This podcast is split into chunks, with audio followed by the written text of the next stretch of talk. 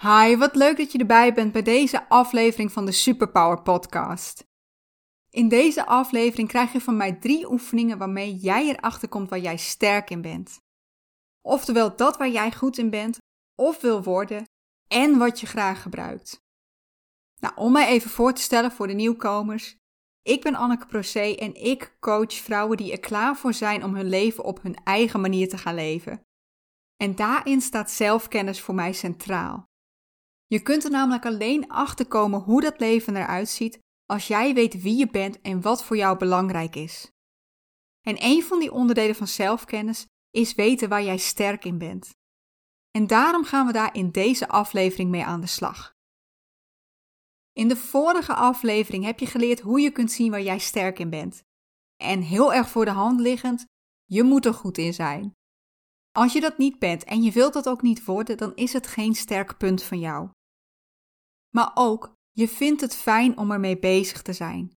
Want soms ben je ergens nog zo goed in. Als je het met tegenzin doet, dan zou ik het geen sterk punt van jou willen noemen. Jij bent zoveel sterker in alles waar je en goed in bent en waar je de motivatie voor voelt om daarmee aan de slag te gaan. En als laatste, het daagt je tot op zekere hoogte uit. Niet te weinig, want dan ga je je vervelen, maar ook niet te veel, want dan krijg je last van stress. Dan, ja, dan betwijfel je of je het überhaupt goed kunt doen. Nee, het zit daartussenin. Nou, ik denk dat je daarmee al een aardig beeld hebt, als je jouw huidige taken daartegen aanhoudt, welke daar wel en welke daar niet zo goed op scoren. Maar zelfs als je dat doet, dan is de kans nog steeds groot dat je maar een heel klein beeld hebt van jouw sterke punten.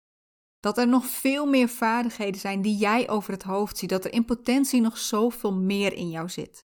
En daarom in deze aflevering drie oefeningen die jij kunt doen om deze naar boven te halen. Welkom bij de Superpower Podcast. Ik ben Anneke Procé, coach.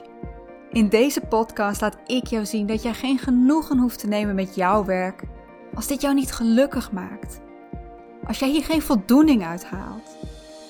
En ik breng je weer in contact met jouw superkrachten, zodat jij het beste uit jezelf, uit je werk en uit je leven kunt halen.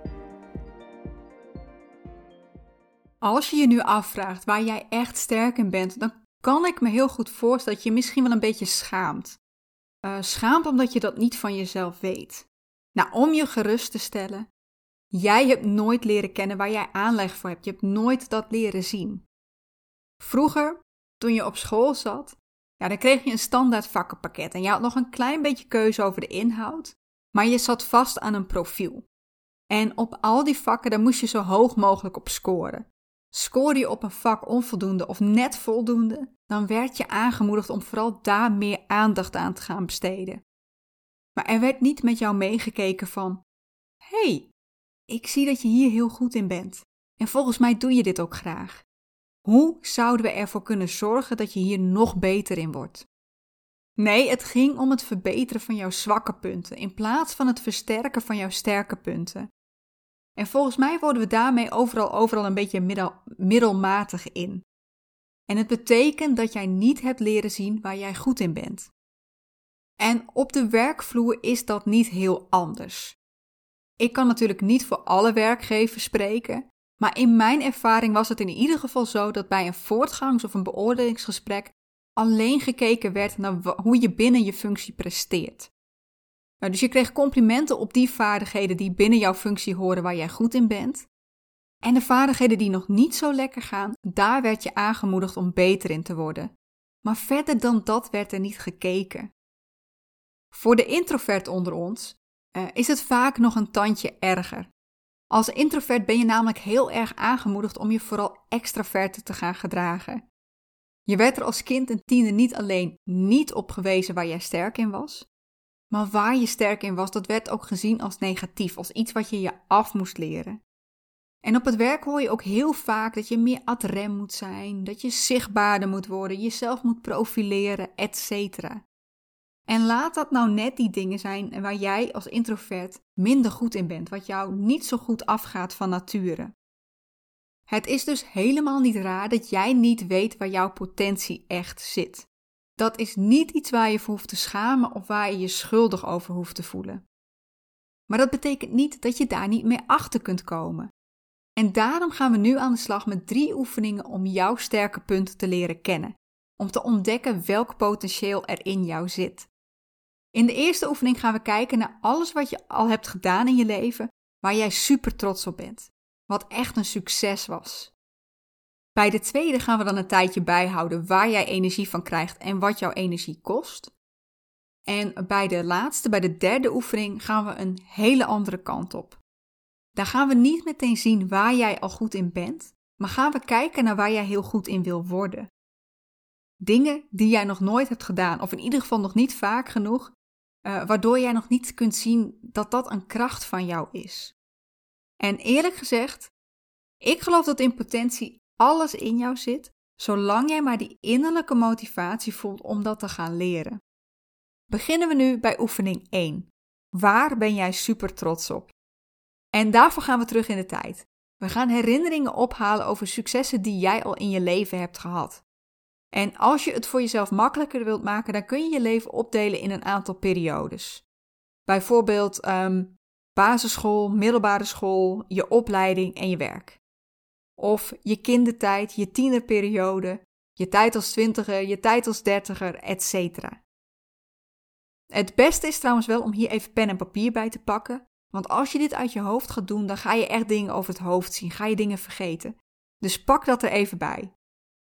En als je ergens tijd nodig hebt om dingen uit te denken en op te schrijven, zet dan vooral de podcast even op pauze. Oké, ik ga ervan uit dat jij pen en papier hebt gepakt. Uh, ga nu voor elk van die periodes die je hebt bepaald opschrijven wat daar jouw successen waren. Uh, waren er vakken waar je heel goed in was?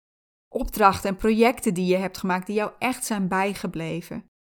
En kijk dan vooral ook verder dan wat je op school en op je werk hebt gedaan.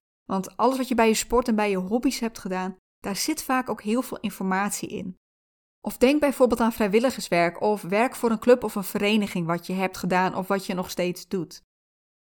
Uh, we hebben namelijk nogal de neiging om ons blind te staren op alles wat we in onze school- en werkcarrière hebben gedaan.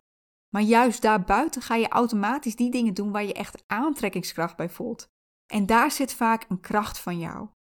Wat heb je allemaal georganiseerd? Al is het maar een succesvol kinderfeestje of zo. Waar heb je iemand bij geholpen? Waar ben jij supergoed in als het aankomt op je sport of op je hobby's? Denk hier even over na en schrijf die successen op. En uh, dat hoeft maar in een paar woorden, want we gaan ze zo wel verder uitwerken. En als je er heel veel hebt, kies er dan een stuk of drie tot vijf uit die je voor jou echt uitspringen. Waar je heel veel plezier aan hebt beleefd toen je daarmee bezig was, waarvan je echt denkt: dit wil ik wel meer gaan doen. Oké, dan? Dan gaan we nu per succes bekijken wat je daar hebt gedaan waardoor dit zo'n succes is geworden. Heb je er nu even geen tijd voor en wil je dit op een later moment doen? Schrijf dan even STAR-methode op. S-T-A-R. Want dat is de methode die we hiervoor gaan gebruiken en die kun je ook heel goed online vinden. Schrijf eerst per succes op wat de situatie van dat succes was. Wat speelde er zich af? Wat moest er opgelost worden? Wat was het probleem? Wie waren er nog meer bij betrokken? Als tweede, schrijf per succes op wat jouw taak was bij dit succes. Wat was jouw rol in het geheel? En de volgende stap is een hele belangrijke, want hier ga je echt kijken wat je hebt gedaan. Dus schrijf per succes op wat je allemaal hebt gedaan om dit zo'n succes te maken. Welke acties heb je hier uitgevoerd? Welke vaardigheden had je daarbij nodig en hoe heb je dat aangepakt? En als laatste, om het af te ronden, wat was het resultaat van elk succes? Wat maakte dat dit zo'n succes was? Voordat we verder gaan, kijk eens naar al jouw successen. Geniet ervan. Kijk eens wat jij allemaal voor elkaar hebt gekregen. Nou, dan is het nu natuurlijk, want je hebt nu gewoon een paar losse dingen op papier staan. Het is tijd om het concreter te maken. We gaan het allemaal samenbrengen. Uh, pak een nieuw vel papier en schrijf daar drie onderdelen op: vaardigheden, rollen en aanpak. Schrijf onder vaardigheden alle vaardigheden op die je bij de verschillende successen ziet. En misschien kun je meteen al een beetje onderscheid maken tussen welke er voor jou echt uitspringen, die je heel gaaf vond om te doen. Maar je kunt ook eerst gewoon alles opschrijven en daarna gaan kijken welke echt wat met jou doen, welke je heel goed in was, welke er voor jou echt uitspringen, welke je fijn vond om mee bezig te zijn. Staan er nog verrassingen tussen? Vaardigheden waar je eigenlijk nooit bij stil hebt gestaan? Of zitten er nog dingen tussen waarvan je denkt: Nou, op dat moment was ik er misschien nog niet zo goed in, maar ik vond het zo leuk, dat zou ik wel vaker willen doen. Onder rollen schrijf je de verschillende rollen op. Welke rollen hiervan vond je heel gaaf om te doen? Welke trek je bijna automatisch naar je toe en voel je je comfortabel bij? En als je iets in teamverband hebt gedaan, dan is het vaak vrij makkelijk om te zien wat jouw rol was in het geheel. Maar ook als je iets alleen hebt gedaan, ehm, kun je vaak wel daar iets in terugzien wat lijkt op een rol. Om even een paar voorbeelden te noemen. Ben jij iemand die makkelijk en graag de leiding neemt? Of ben je iemand die makkelijk ziet waar extra hulp nodig is en daarbij springt? Ben je onderzoekend van aard of ben je iemand die ervan houdt om het overzicht te houden? Ben jij de persoon die altijd met de nieuwe ideeën komt? Welke rol heb jij het allerliefst? Of rollen, want je kunt ook meerdere voorkeursrollen hebben. Ehm, het is niet per se een of, het kan ook een en zijn. Dus onderzoeker en helper of uh, overzichthouder en leider. En als laatste schrijf je op hoe jij de verschillende successen hebt aangepakt. Zie jij een bepaalde voorkeursaanpak uh, bij hoe jij ergens mee aan de slag gaat? Ben jij bijvoorbeeld iemand die meteen aan de slag gaat? Of die eerst uit gaat zoeken wat er uitgezocht moet worden? Ben je iemand die graag anderen erbij betrekt? Of ga je liever zelf eerst aan de slag en kijk je wat je zelf voor elkaar krijgt? In alles wat je net hebt opgeschreven zit geen goed of fout. Het gaat erom dat jij erachter komt wat het beste bij jou past, wat jouw sterke punten zijn. Met deze oefening heb je nu, als het goed is, een aantal vaardigheden boven water gehaald waar jij heel sterk in bent. Heb je misschien wel gezien dat er een bepaalde rol is die echt bij jou past? En uh, blijkt dat jij een voorkeursaanpak hebt uh, als jij iets op wil lossen. En ik snap dat dit niet de lekkerste oefening is om via een podcast te delen. Jij hebt nu waarschijnlijk heel snel meelopen pennen, maar toch wilde ik, wilde ik je deze oefening geven, omdat je er echt zoveel uit kunt halen. Ik heb dit heel lang niet gedaan en ik heb daardoor heel veel over het hoofd gezien. Om je te laten zien wat er kan gebeuren als je dit niet doet, uh, gaan we even helemaal terug naar het moment dat ik klaar was met mijn opleiding. En op dat moment had ik geen idee wat ik kon. Ja, ik wist heel veel over biologie en gedrag. En ik wist dat ik een beetje kon schrijven. Maar wat moest ik daarmee op de arbeidsmarkt? Not a clue. En uiteindelijk heb ik wel een baan gevonden, eentje waar ik zelfs best goed in was. Maar het was wel werk wat, waar ja, ik was op een gegeven moment wel een beetje uitgeleerd en ik begon me te vervelen. En aan de andere kant veranderde het werk heel erg, maar dat was in een richting waar ik niet zo goed in was, waar ik geen ster in was. En eerlijk gezegd was het ook iets wat ik niet wilde leren. Maar leuk, al die tijd op de werkvloer. Ondertussen had ik nog steeds geen idee wat nou mijn sterke punten waren. Nou, ondertussen werkte ik in mijn vrije tijd ook al bijna tien jaar voor een andere organisatie. En dat is een organisatie waar we elk jaar een evenement mee organiseren. Tenminste, toen dat nog mocht. En dat event dat was een weekend lang volledig gebaseerd op Japan en de Japanse popcultuur. En ik ben daar heel lang programmamanager geweest. En dat betekent dat ik verantwoordelijk was voor het team dat alles verzorgde wat er op onze conventie te doen was. Of is. Uh, alle workshops, de lezingen, competities, video's, games, etc. En je raadt het al, daarvoor moet je ook heel veel overleggen. Maar wij woonden allemaal behoorlijk verspreid over het land. En de meeste van ons waren studenten en dat betekende dat we een ja, beperkt budget en ook weinig tijd hadden. Daardoor kwamen we niet heel vaak samen. En op dat moment was een online uh, videoconferentie was ook nog niet echt een ding. Want ik heb uh, het moment dat ik uh, programmamanager was, is echt al wel een tijdje geleden. Wat ik daarom deed, was dat ik elke maand met iedereen individueel een gesprek had. Aan het begin van het jaar besloten we wat we allemaal gingen doen. En daarna ging ik met iedereen kijken: hoe gaat het? Hoe ver ben je? Waar ik sterk in was, was dat ik vooral wilde weten hoe het met iedereen ging. Niet alleen binnen de organisatie, maar ook daarbuiten. Waren er dingen die, waar ze tegenaan liepen en waar ik ze ook mee kon helpen, waar ik ze voorbij die obstakels kon brengen? Wat dat voor invloed had op hun werk, dat kwam voor mij eigenlijk pas op een tweede plaats. Achteraf gezien zitten daar voor mij echt wel aanwijzingen in dat coaching voor mij the way to go was. Maar op dat moment stond ik daar helemaal niet bij stil.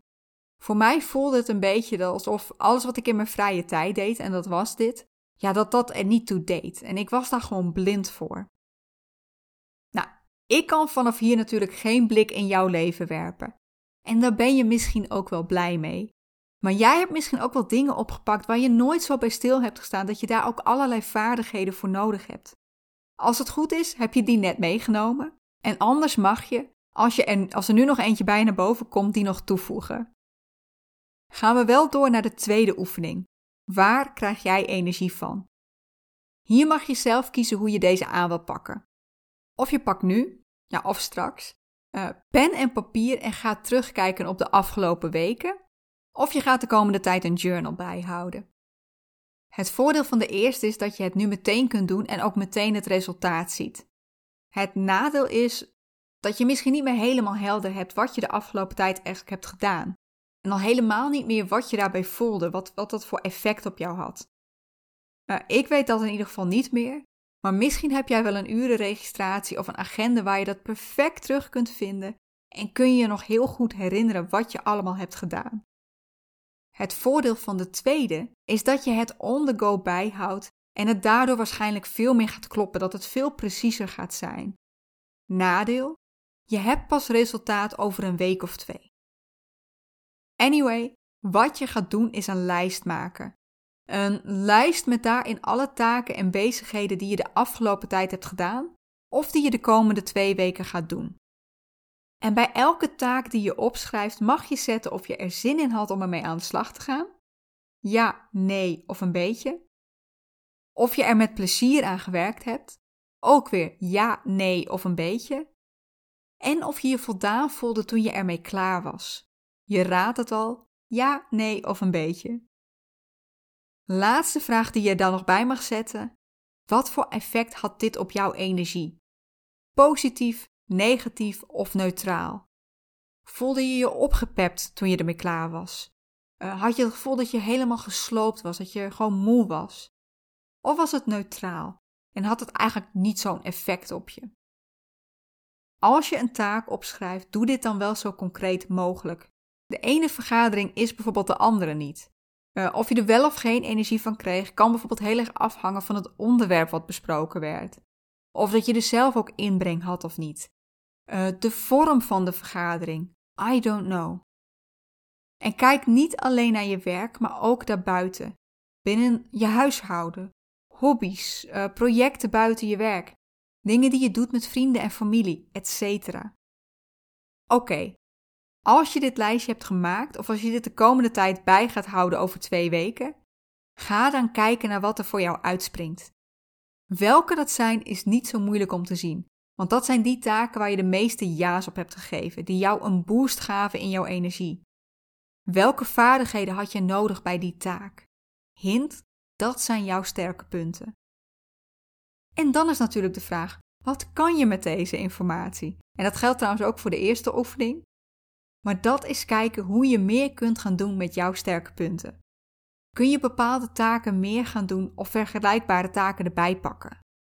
Kun je met je leidinggevende in gesprek over werkzaamheden die misschien niet helemaal binnen je functie passen, maar die je wel heel graag wil gaan doen? En als, het, als je het niet in je werk kunt vinden, kun je er dan iets mee in je vrije tijd, in een hobby of iets dergelijks? Of, als je die stap wil maken, is er ander werk wat je wil gaan doen waar je die vaardigheden kunt inzetten? Nou, het is natuurlijk niet de bedoeling dat je alleen maar meer gaat doen, dat we jouw huidige workload alleen maar groter maken. Dus van alle taken die niet zo hoog scoren, waar je vooral nee's op hebt gegeven en die jouw energie kosten, kun je dan minder van gaan doen. Volgens mij had ik dit al genoemd, maar ik ben echt een grote voorstander van je focus op je sterke punten en stoppen met het verbeteren van je zwakke punten. En dat heb je wel geleerd om te doen, dat uh, versterken van je zwakke punten. Maar het is veel beter voor jou om je juist te richten op die sterke punten, want dan ben je veel gemotiveerder, heb je veel meer zin om aan de slag te gaan. En het is ook veel beter voor jouw werkgever.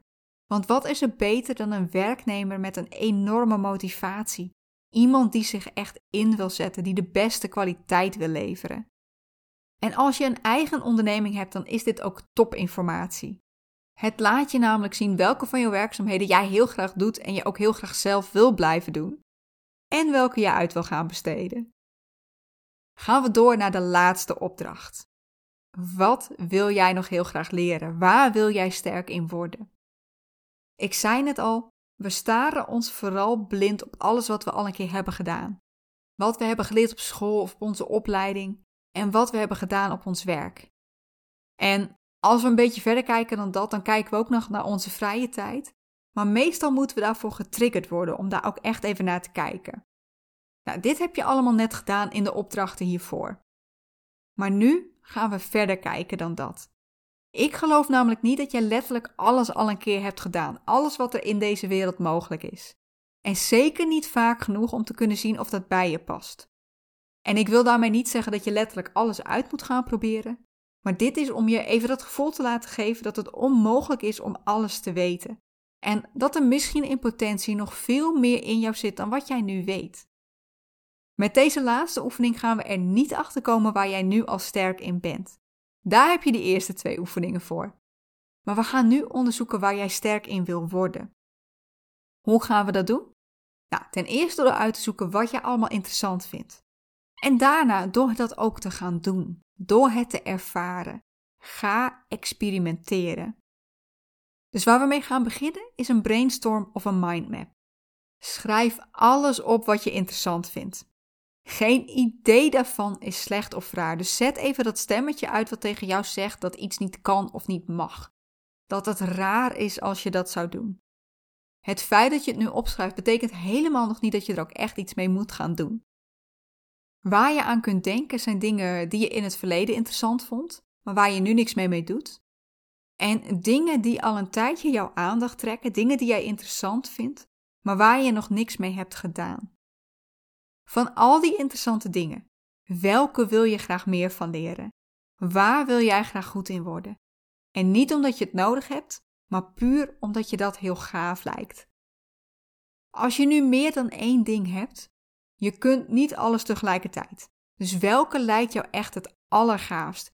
Welke wil je het allerliefste leren? En het liefst kies je er één. Lukt dat echt niet, dan hooguit twee. Op een later moment kun je er altijd weer een nieuwe bij pakken. Of switchen als je eerste keuze toch tegen blijkt te vallen.